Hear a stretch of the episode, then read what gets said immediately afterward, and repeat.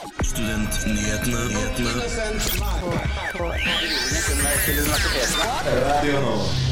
Hei, hjertelig velkommen til Studentnyhetene. Mitt navn er Sigrun, og du hører, ja, du hører på Studentnyhetene. Meg Selma i dag. Hei, hei. Eh, Selma, hva er det vi skal snakke om i dag?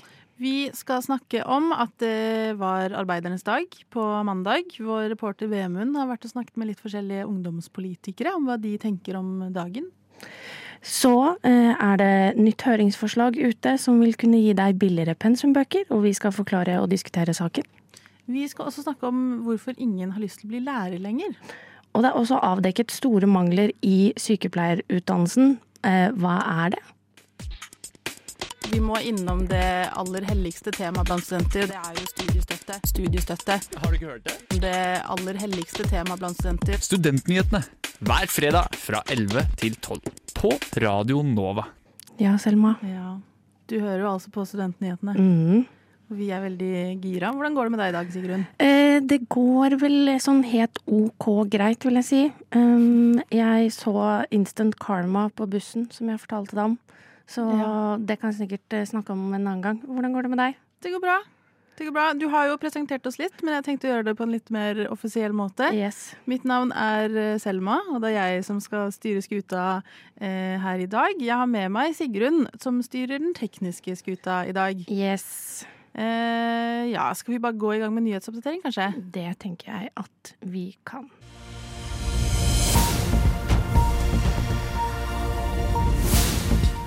Avgangselevene på KIO kommer med kritikk mot innføringen av skolepenger for studenter utenfor EU, EØS og Sveits. De har kalt sin utstilling ved Kunstnernes hus, Kunstnernes hus for Free Education for All. It's not too late to change your mind. Ifølge KIO sine egne nettsider sier de at elevene som dette påvirker, vil måtte betale et sted mellom 500 og 700 000. Torsdag 4. mai var forsknings- og høyere utdanningsminister Ola Borten Moe og helseminister Ingrid Skjærkol med, la ned grunnsteinen for det nye Livsvitenskapshuset. Der skal UiO og OUS flytte sammen i bygget. Etter flere budsjettsprekker og utsettelser virker begge ministrene fornøyd med at arbeidet endelig var i gang. Dette melder Krono. Kitty Aporn Brattberg ble anklaget for å ha jukset på en eksamen ved medisinstudiet. Det viste seg senere at Brattberg ikke hadde jukset, og fikk, fikk med en erstatning på om lag 130 000 og måtte skrive under på en taushetserklæring. Dette fikk en jusprofessor ved UiB til å reagere. Han sier til Krono at dette ikke har noe hjemmel eller grunnlag i lovverket, og er ikke noe de kan kreve. Onsdag under Stortingets spørretime fikk forsknings- og høyere utdanningsminister Ola Borten Moe en rekke spørsmål om lærerutdanningen. I år har lærerutdanningen gått ned med nesten 22% og Høyres Margaret Hagerup ville bl.a. vite hva Ola Borten Moe mente var årsaken til dette.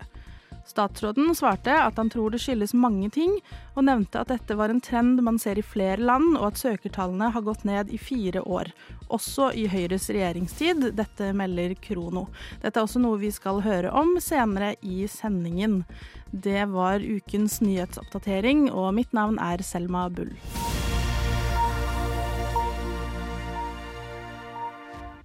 Samordna opptak. Det handler om rettssikkerheten eh, til norske studenter. Akademia Strid. Oslo OsloMet Universitetet i Oslo, eh, Studerer studentnyhetene. Hver fredag fra 11 til 12.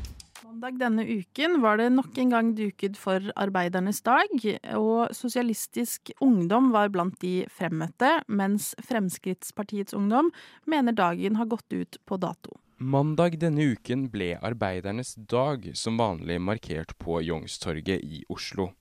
Værgudene var ikke på lag med de fremmøtte denne dagen. Sludd og regn preget årets 1. mai-arrangement. Student og Oslo Sosialistisk Ungdoms leder, Jack Schønberg, trosset været og holdt appell for de fremmøtte.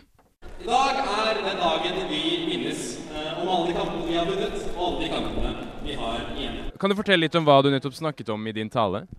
Ja, eh, det jeg snakket om er at det er viktig at vi eh, minner på de som sitter med makta, at det er eh, vanlige folk som sikrer at økonomien går. Det er vanlige folk som skal ha makta i samfunnet, rett og slett. Hvorfor er det så viktig å fortsatt markere 1. mai? Fordi man ser at altfor mange ikke har gode lønns- og arbeidsvilkår rundt omkring i landet. Man ser at veldig mange lavtlønte sliter seg ut og jobber seg syke, rett og slett. Uh, man ser at altfor mange kvinner jobber deltid. Man ser at, at uh, generelt sett kvinneyrker tjener mindre enn uh, mannedominerte yrker. så det er viktig å minne de seirene de har fått, som åtte timers arbeidsdag, som arbeidsmiljølov, som trepartssamarbeid.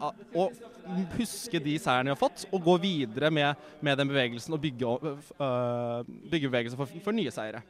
Skjønberg mener at det å delta på 1. mai er høyest relevant også for studenter da det er de som er fremtidens arbeidstagere. Det er fremtidige folk som skal stå 50, 50 år i arbeid, og jeg tror det er viktig at de, de, de, er med på en bevegelse som står opp for sine egne rettigheter. Det er jo tross alt vi som uh, skaper historien, og jeg tenker det er viktig om, om man velger å ha en en, en, en ja, jobbfremtid der uh, du skal ha medbestemmelse, der du skal uh, ha gode lønns- og arbeidsvilkår, som må organisere seg. Hva er den viktigste saken i år da, for deg? Eller hvis du skal trekke frem noen saker som er spesielt viktige? Det er kvinners reell rett til streike kvinners reell streikerett, mener jeg. Eh, fordi man har sett både i eh, sykepleierstreiken og i eh, eh lærerstreiken at de har blitt tvunget frem til tvungen lønnsnemnde. Det syns jeg er utrolig synd. Disse er yrkene som eh, vi sa var essensielle under pandemien. Vi sa liksom ja, ja, disse er så samfunnskritiske, og de får ikke lov til å streike. Men da skal de jammen meg være såpass, eh, såpass verdsatt, fordi de er samfunnskritiske, for å bli betalt godt. Ungdomspolitikeren skulle gjerne sett at regjeringen innførte seks timers arbeidsdag. Han mener også generelt at de kunne vært mer offensive i arbeidslivspolitikken. Alternativet hevder han dog er verre. Det er bedre enn høyreregjeringa i hvert fall. Men hvert år så kommer jo høyresiden med noen stikk mot 1. Eh, mai. Eh, hva, hva tenker du om det? Nei, de er, bare, de er, bare, redde for at vi skal organisere oss. De liker ikke tanken av at, at arbeidere skal stå sammen og snakke om sine krav og øh, møte sjefen øh, som samlede arbeidere og minne seg på at de er arbeidere sammen. Fremskrittspartiets ungdom er på sin side sterkt kritiske til det å markere 1. mai. Gjennom historiens løp har folk begynt å bruke dagen til noe helt annet enn tidligere, som vårrengjøring.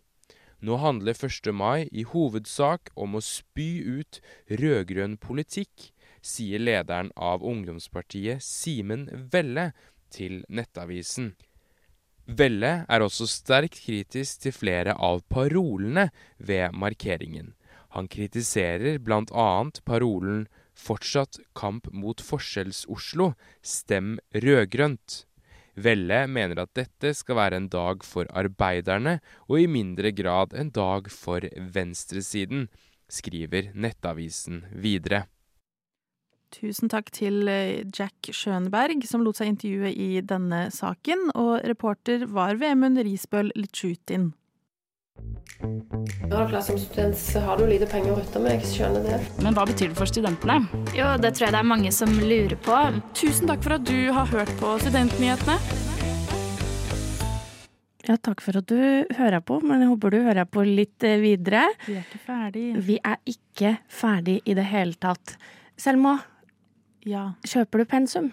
Ja. Ja, fordi i dag, faktisk, så skal det da komme frem en uh, ny, uh, et nytt lovforslag, eller en ny regulering, Oi. som omhandler pensumbøker. Skal det bli gratis? Nei. Oh. Det skal det ikke. Uh, det er jo da familie- og likestillings... Eller det er da på høring i familie- og kulturkomiteen, beklager. Det var Anette Trettebergstuen som blant annet hadde vært ute, så jeg blandet litt der.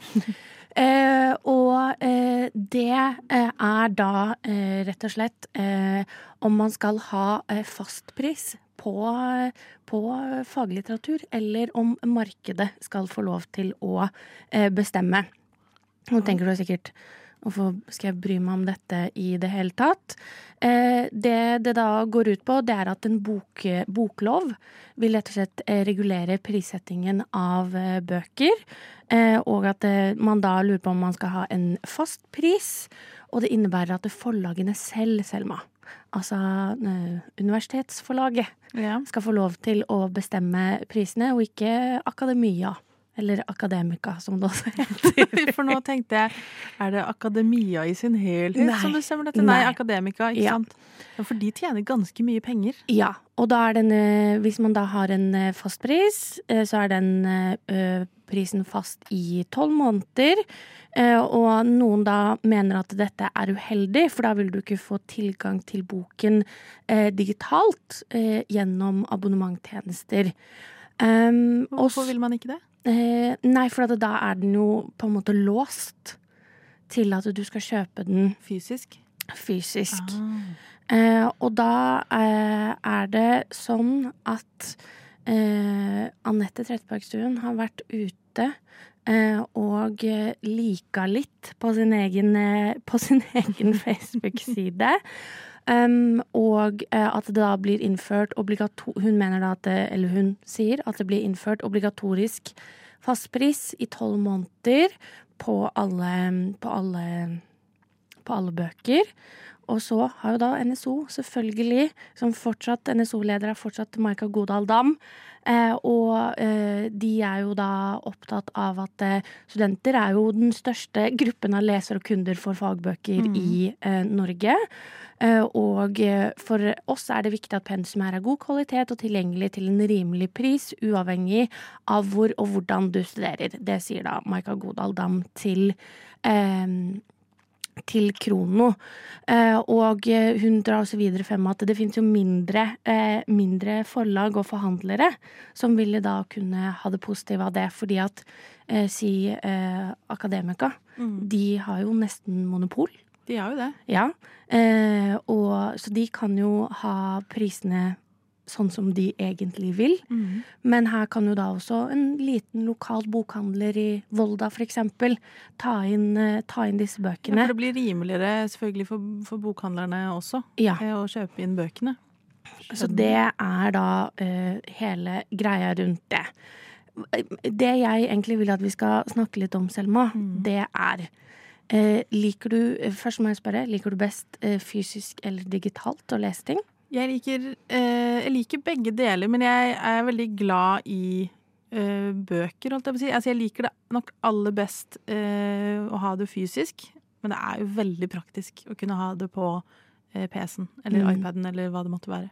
Ja, for at det jeg har tenkt litt på, det er at jeg skulle ønske at når man kjøpte en fysisk bok, si at du kjøper en sånn Hei, jeg skal ha eh, Med 200, som sikkert er, eller 2000, som sikkert er et eh, medisinfag.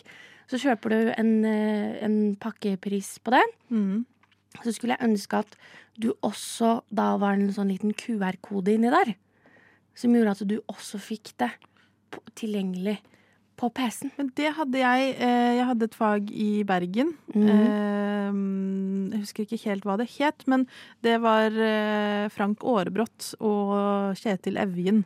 Her er det store, her er det store navn. Ja, og dette faget var liksom eh, hans, altså Aarebrots fag, og de hadde skrevet en bok som het Land, makt og følelser. Rest in peace, forresten. Ja, eh, og han, den boken var for det første utrolig godt skrevet, for den var ikke for sånn Jeg syns jo ofte pensum kan bli litt for akademisk skrevet, og jeg skjønner at det er akademiske tekster, men jeg tror at man veldig ofte kan skrive det på en enklere måte. Mhm. De hadde laget et helt sånn digitalt eh, arkiv som var eh, i tillegg da, til boken med QR-koder som du kunne skanne, og så kom du til en YouTube-video hvor de forklarte liksom sentrale teorier og deler av det kapitlet du nettopp hadde lest. Og det var genialt! Det var kjempebra, for da fikk du eh, på en måte forkortet det ned og sånn OK, det her er det viktigste i dette kapitlet. Men så var det også ting de ikke nødvendigvis hadde i boken som var liksom ekstra informasjon, eh, som var veldig, veldig bra. Så det syns jeg flere eh, bør gjøre. Ja, for det er vel litt det som på en måte Jeg føler at eh, eh, Maria eh, Go, eh, Maika, ikke Maria, Maika Godal Dam sier også eh, at uavhengig av hvor og hvordan Mm. du studerer Folk studerer jo veldig forskjellig og tar inn informasjon på veldig forskjellige eh, måter. Eh, og jeg har møtt folk som er sånn Jeg har gått totalt bort fra fysiske eh, bøker, og så ender du opp med også på en måte ha ganske mange pensumbøker eh, etter hvert. Veldig mange, og ofte veldig Altså, de er jo store. Eh, Ja, og så er, det ett, et er det ett kapittel pen, altså det er ett kapittel som er relevant. At det er sånn Noen forelesere er jo da gode til å eh, legge opp det sånn at du kan eh, kjøpe kun det spesifikke kapitlet eh, i sånn kiosk, på en Ja. måte. Eller at de f.eks. eier det selv, så da kan de legge ut det spesifikke kapitlet fordi at de har en god Ja. avtale. Men ellers så må du plutselig kjøpe en 400, 400 sider lang bok som er blytung Ja. for kapittel 8. Veldig. Og det må, Er relevant. Også, det må også nevnes her nå at i en periode så hadde Nasjonalbiblioteket en eh, avtale med eh, norske universiteter og høyskoler, eh, som opphørte da i, nå i mars. Så den avtalen har man ikke lenger. Eh, og med den avtalen så fikk man tilgang til ekstremt mye digital litteratur som var på pensumlister, som gjorde det veldig lett for studenter å få tak i den pensumen digitalt. Eh, men den har man ikke lenger. Den eh, avtalen eh, kunne sikkert blitt fornyet, men det har den ikke. De blir sikkert ikke enige om eh, forskjellige ting. Eh, så det er jo Altså, vi må på en måte anerkjenne at pensum er veldig dyrt, og selvfølgelig kommer det til å koste mye, men jeg tror at vi kan eh, slutte med dette at de må fornyes hvert år, eksempel. Som veldig mange forelesere har jo skrevet pensumbøkene til faget sitt selv. Eh, og de er ofte Det her er jo min eh, lille teori, da, men de er jo veldig ofte gira på å liksom pushe den nyeste versjonen, som koster enda litt mer enn den som er fra to år siden, som sikkert er helt like fin. Eh, så det, noe må på en måte gjøres på dette området, tenker jeg. Og det virker jo som en boklov er litt et steg i riktig retning. Det virker som det blir mer forutsigbart, i hvert fall. Ja, fordi jeg vet også at eh, forelesere, eller de som skriver faglitteratur, de tjener ofte ikke sånn kjempebra på det, fordi at de skriver da en bok, og så er det kanskje fire stykker som skriver den boken Mm. sammen. Så de tjener ikke så veldig eh, bra på det, og da er det jo selvfølgelig et insentiv til å eh, endre litt på kapittel syv Ja. for å legge det på pensum, og så oppfordre alle til å på en måte eh, til å kjøpe den nyeste. Og ja, selvfølgelig, noen ganger så er det at ting faktisk endrer seg innenfor faglitteraturen eller innenfor forskning, og man må Ja. oppdatere det. Men å også gi de en bedre, en bedre avtale, rett og slett, tenker jeg jo er positivt. 100% Studentpolitikk det har ikke vært en hovedprioritet. Så jeg er veldig glad for at dere er opptatt av det her. Tusen takk for at du har hørt på Studentnyhetene. Lærerutdanningen opplever en nedgang på 21,9% sammenlignet med i fjor. Vi har tatt en prat med en lærerstudent og eh, rektor på Oslo OsloMet for å finne ut av mer. Valgte du akkurat lærerstudiet? Nei, det er et veldig godt spørsmål, egentlig. Jeg drev og tenkte litt på det før jeg kom. Lærerstudiet har det laveste søkertallet vi har sett siden 2008. Det er mange faktorer som spiller inn her. Blant annet i høst var det en stor lærerstreik som endte i tvungen lønnsnemnd. Det gjør det jo mye vanskeligere å leve med så lav lønn og for så mye arbeid du egentlig gjør. Anette Negain er lærerstudent på Oslo OsloMet. Hun går førsteåret på en femårig grunnskoleutdanning. Etter førstegangstjenesten visste hun ikke hva hun skulle gjøre, og endte opp med å jobbe på en barneskole et år. Etter det søkte hun lærerstudiet. Det å ha jobbet et år før har på en måte gitt meg en bedre forståelse eh, før jeg på en måte satte meg inn i alt av teori og sånt. Fordi når jeg sitter i forelesningen nå, så gir ting på en måte mye mer mening sett i det praksissituasjonene, da. Anette er enig med høstens streikere. Kanskje en høyere lønnsøkning ville vært mer attraktivt for unge søkere da, å søke seg inn på lærerstudiet. Hun tror mange vurderer om lønna er verdt alt arbeidet. Selv sier hun at det er mye annet som veier opp for det som er negativt. Syns jeg egentlig det har vært veldig givende å være lærer og egentlig ja, søke meg inn hit da, og se hvordan det går. Rektor ved Oslo OsloMet, Christian Krogh, påpeker at det fallende søkertallet ikke bare er et norsk problem, men også noe som skjer i nabolandene våre. Selv jobber Oslo OsloMet med å rekruttere studenter gjennom aktiviteter, arrangementer og informasjonskampanjer. Hvert år eh, når tiden nærmer seg for samordna samordnet opptak, så har vi, har vi både informasjonskampanjer og aktiviteter ut i vårt omland og nasjonalt, der vi rekrutterer fra til, til våre utdanninger. Men vi ønsker oss at de som sitter nær på videregående skole, jobber enda tettere med oss for å mobilisere enda flere til å søke på disse viktige utdanningene. I spørretimen på Stortinget onsdag 3. mai sa forsknings- og høyere utdanningsminister Ola Borten Moe at de skal vurdere å gjøre lærerstudiet mer fleksibelt, og vurdere om man kan integrere tidligere fag slik at man slipper å ha fag på nytt igjen. Selv sier Krog at de fleste søkere ikke er så opptatt av hvordan studieløpet er lagt opp. Det første vi tenker er at nå må vi tenke oss nøye om hvorvidt det vi gjør faktisk lar oss oppnå det vi ønsker. Vi vil også advare eh, mot å, å, gå vekk fra dette med femårig lærerutdanning nå. Har vi brukt masse tid og energi på det. Vi har fått til et godt system, en god støtte. Vi, vi tror det er bra for grunnskolelærerne å, å, ha den typen refleksjon og dybde i utdannelsen som de får ved det ekstra året. De, for det er vel ingenting som tyder på, i hvert fall slik som vi erfarer det, at det at det påvirker i noen negativ forstand. Krog påpeker også at det er viktig at man tenker på hva karakterkravet til utdanningen gjør med selve læreryrket. Eh, og hva gjør det også med, med, de studentene som begynner på lærerutdanningen, og hvorvidt de kommer seg gjennom og, og oppnår det læringsutbyttet som vi, vi ønsker med det. Krog peker på to faktorer som kan ha påvirket søkertallene. Vi erfarer at uh, læreryrket omtales negativt i media. Det tror vi er dårlig.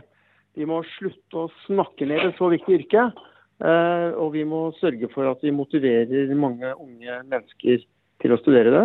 Så er det slik at eh, Vi har nettopp gjort om utdanningen. Det er femårig lærerutdanning nå. Vi har kommet veldig godt i gang og vi er veldig fornøyd med det vi har fått til. Ordentlig faglig løft. Og vi tror eh, lærerne får det bedre med å ha en femårig utdanning eh, når de kommer til grunnskolen. Eh, så vi må nå få Eh, noe tid til å jobbe med å få et enda bedre studentmiljø og enda mer fornøyde studenter. Anette tror også at promotering kunne hjulpet. I tillegg tenker hun at en arbeidsuke på videregående der elever kan prøve et yrke, hadde vært bra. Da får man liksom sett helt, sånn, helt konkret hvordan det egentlig er, og ikke bare en beskrivelse som står på nett. Både Christian Krogh og Anette vil oppfordre til å søke lærerstudiet. Vi trenger jo gode lærere. og gode personer som har lyst til å eh, være der for eh, elevene og lære dem noe. Det er veldig, mye mer morsommere enn det man tror. Så i den grad det går an å komme med en oppfordring på radio, så vil jeg gjerne oppfordre alle de unge, og de som kjenner noen unge som nå søker på studier, til å vurdere en ekstra gang om de ikke skal sette lærerutdanning øverst på Samordna opptak før fristen 1.7.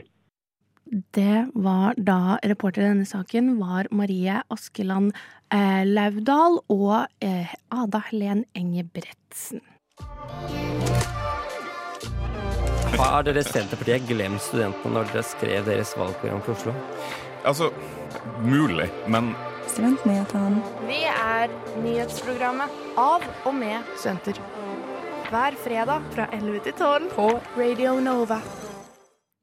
Nå har vi snakket om lærerstudiet, som er et av de studiene som eh, får veldig mye medieoppmerksomhet. Men det er jo et til som man snakker mye om i media, og det er sykepleierutdanningen. Eh, der har de nå avdekket ganske store mangler på utdanningen. Kan du tenke deg hva de manglene kan være? Um, ja. Hva kan det være? Det er vel eh, klassisk innenfor medisinyrket praksisplasser, da? Ja, det er akkurat det det er. Blant annet eh, færre enn to av ti ferdigutdannede sykepleiere har vært innom pleie av gravide og barn, f.eks. Eh, og bare 7,4% av praksisveilederne føler definitivt at de har god nok tid til å følge opp studentene. Det, er to, altså, det er jo to, forskjellige ting, eh, men det at så få har vært innom liksom gravide og barn? Ja, fordi at jeg føler eh, perioder hvor du er i mye kontakt med helsevesenet, eh, er når du er gravid eller når du er barn. Ja. Og de snakker om at det er veldig mye fokus på eldreomsorg, som er vel Det er jo kjempebra, fordi vi trenger flere sykepleiere på sykehjemmene. Men vi trenger jo sykepleiere til den, altså de andre delene av helsevesenet også. Og dette med praksisplasser og praksis eh, generelt har jo vært liksom mye omtalt. Eh, ikke bare på sykepleierutdanningen, men liksom innen i utdanning generelt. Eh, men sykepleierne er jo noen av de som må ha praksis. Det er veldig viktig for utdanningen at de er innom og på en måte praktiserer mens de lærer om alle liksom det teoretiske også. Og det de på en måte opplever, da, er at de heller enn å være i praksis, så er de på jobb. Ja. Og det er jo en klassisk uh, problemstilling. Det føler jeg har hørt også um, Ja. av mine uh, venner som uh, har studert sykepleie. Har egentlig bare vært at eh, de skal i praksis, men nå de egentlig bare jobber som sykepleier Ja. og tar på seg litt ansvar som de egentlig ikke er helt komfortable med. Nettopp. Eh, og det er jo da eh, Altså dette kommer frem i en spørreundersøkelse gjennomført av eh, Sykepleien, som er et tidsskrift. Eh, og Krono har også skrevet om dette. Um, og det som på en måte er noe av problemstillingen, er jo dette at veilederne som på en måte får en praksisstudent, som skal, de skal veilede gjennom praksisperioden, de eh, må gjøre de samme oppgavene de har til vanlig, i veldig stor grad. Eh, så du, du på en måte tar ikke vekk fra de vanlige arbeidsoppgavene når du skal være veileder. Du gjør det i tillegg. Eh, og det for meg høres jo det ut som at det er en oppskrift på at praksisstudentene må hjelpe til med de daglige oppgavene eh, mer enn det de kanskje burde.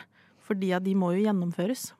En, en liten brannfakkel. Jeg tror jo både at det kan være positivt og negativt at de må utføre det, men at det, for veilederne så blir det på en måte ikke bedre. Sånn at i teorien så kan de ikke på en måte ta, eh, ta de ekstra på en måte fem minuttene da, eh, på eksempel da å eh, At de får prøve seg frem eh, og selvfølgelig med samtykke av pasient, Ja. eh, og prøve seg frem på å sette veneflon på den ene pasienten der. Ja, og jeg eh, er jo helt enig i at eh, man skal jo lære seg på en måte Det er jo en jobb som man skal lære seg, eh, men de får jo ikke lønn som om de er i fullt arbeid. Og det er en viktig detalj, syns i hvert fall jeg. Eh, at hvis du skal være i praksis og få den type lønn, eller det er vel nesten ikke lønnet i det hele tatt Nei, men da for å være eldremann. Du får jo stipend. Ja, men Og lån. Hallo, hallo. Og det må jo være nesten umulig å ha en deltidsjobb ved siden av å være i full praksis i en periode. Eh, da burde du i hvert fall få lønn eh, for arbeidet, den lønnen det man skal ha. Eh, men Krono har da snakket med Andrea Grutle, som går førsteåret på bachelor i sykepleie ved HVL, altså Høgskolen i Vestlandet. Og hun er en av de som føler at man er i full jobb, og føler at hun på en måte ikke nødvendigvis er godt nok rustet da, når hun er ferdig, fordi at man også fokuserer veldig mye på ett område, altså eldreomsorg. Hva tenker du? Eh, jeg tenker at det må være litt all around, men det jeg plutselig tenkte på når vi drev og snakket om dette, det var eh, Og det kan hende at det, eh, det gjøres, men det er jo for kortere perioder. Men jeg vet i hvert fall at de som er leger og har turnus, de blir jo sendt litt hvor som helst, der hvor de Mhm. trengs.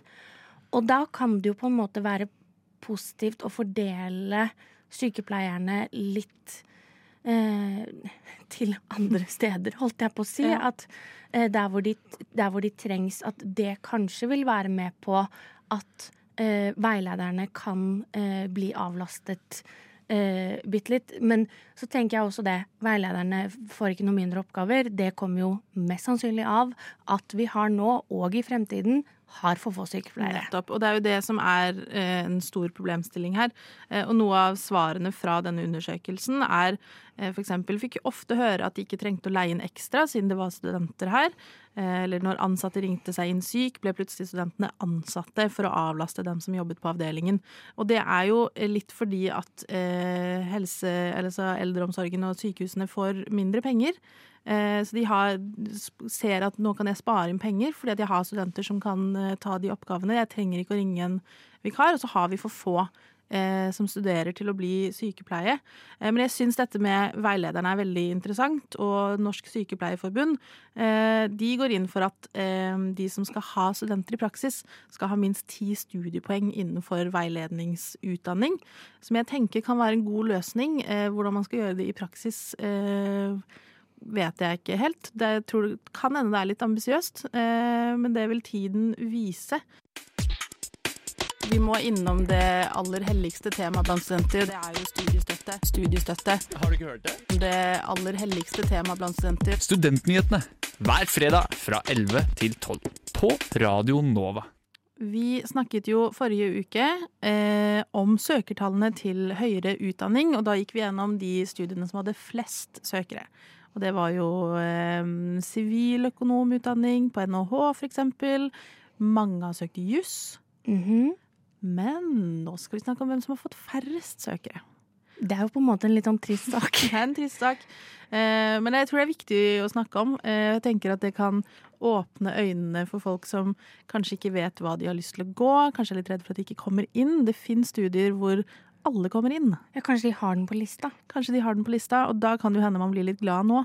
Eh, hvilket studie tror du har eh, færrest?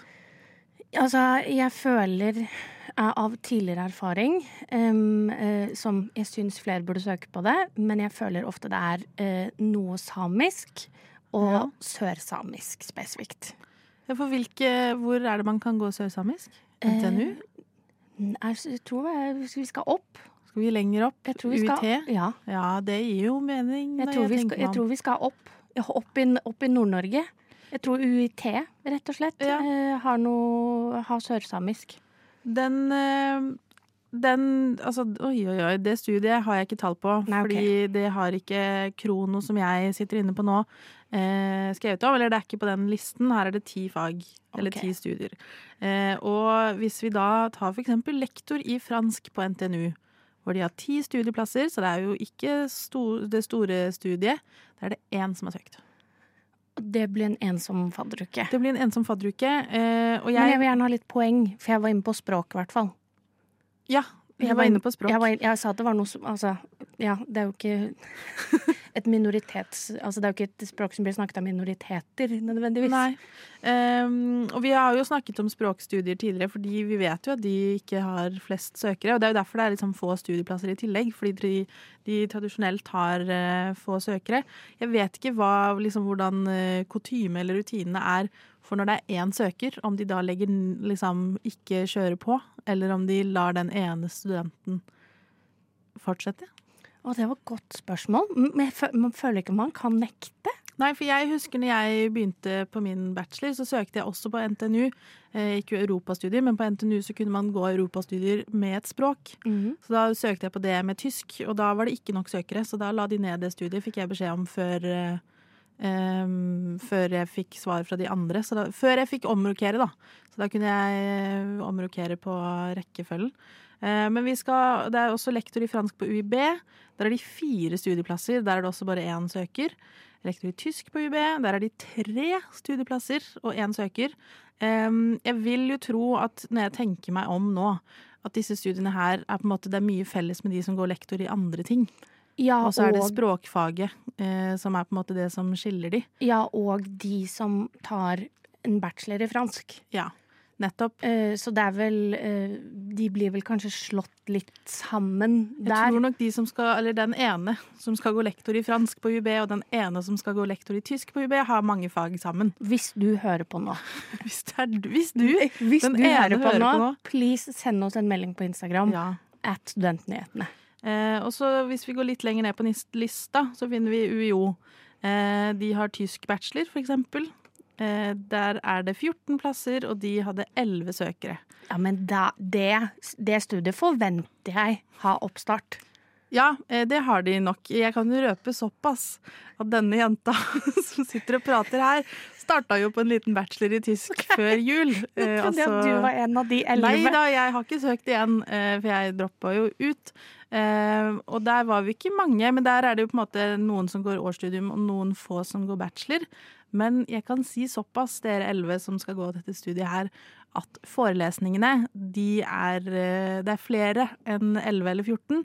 Det er veldig mange pensjonister som møter opp på de forelesningene. Og de kan tysk, og de kan veldig mye, og sitter egentlig bare og brifer med alt de kan. Jeg merker at jeg skal sitte så rolig i den båten, fordi det kan fort bli meg. Jeg kan fort På bli tysk? Nei, men i andre, i andre, i andre fagretninger så merker jeg at jeg, jeg kan fort bli en pensjonist som plutselig er sånn hm, Skulle tatt deg litt av bachelor på nytt, eller skal jeg bare møte opp i disse Altså, forelesningene? Jeg er så for det. Eller med mindre mm, de tar studieplassen Hvis de søker seg inn på en bachelor og tar studieplassen til en student. Ja, men, men OK, si at jeg ikke gjør det, da. Men, Men jeg føler åpne forelesninger, kjør på. Jeg føler at jeg fort kunne møtt opp på noe sånt. Ja, men jeg Fetteren til mamma Gjør det. Hei, fetteren til mamma. Hei, fetteren til mamma. Eh, skulle huska navnet. Gjør jo ikke det. Men de, han og konen eh, de er ofte på Blindern og møter opp og drar på forelesninger, og det syns jeg er kjempefint. Eh, jeg er på en, en måte trist på vegne av de studentene som har søkt på søkt alene, men så er jeg også glad, fordi da kommer de jo inn. Ja, men kan vi også samle de? De to som skal ta fransk. Ja, jeg vil tro at de får gjøre ting sammen. Ja, de to som skal ta fransk, kan de bare eh, bestemme må, seg for vi må finne disse menneskene, og så må vi snakke med dem. Ja, de to. Eh, te, å, nå ser jeg for meg a love story. Ja, åh, vakkert. Vi får se. Kanskje vi begynner med gravejournalistikk her i Studentnyhetene, men det skal vi ikke gjøre akkurat nå. Radio Nova. Jeg har jo allerede etablert at det er fredag, og dere trenger kanskje ikke meg til å etablere at det er fredag, dere er sikkert fullt Du er veldig gira i dag. Ja, men jeg elsker jo å ha sending eh, generelt, men jeg syns det er hyggelig at vi har det på fredager, for da er det så det er så deilig stemning her i studio nå. Jeg føler at når jeg går ut av studio, så går jeg med en liten sånn pep in my step. Ja, fordi det er fredag. Nå er jeg sånn Jeg sto opp tidlig i dag, eller studenttidlig. Viktig å påpeke. Klokka ni. Klokka ni. Ja, det er greit, ja. Studenttidlig. Og liksom, har jeg gjort et, eh, et godt stykke arbeid, Ja, det er det. eh, og så da går jeg litt med a pep in my A step. pep in your step. Men hva, det er jo fint vær i dag. Det er ikke så varmt, Nei. men det er sol, og jeg ser ut av vinduene våre. Det begynner å komme blader på trærne, og det er jo min favorittting i hele verden. Jeg er sikkert ikke alene om det. Nei. Men hva skal du i helgen? Åh, jeg er sånn kjedelig. Eh, Jeg skal løse en eksamen. jeg skal skrive bachelor. Ja, men det må jo gjøres. Jeg skal skrive på bacheloroppgaven min, eh, og så vurderer jeg å ha eh, altså min favorittdag.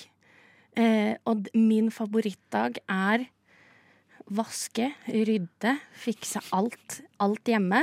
Wow. Eh, men først, eh, først dra på mitt, mitt eh, nærsenter, Storo-senteret.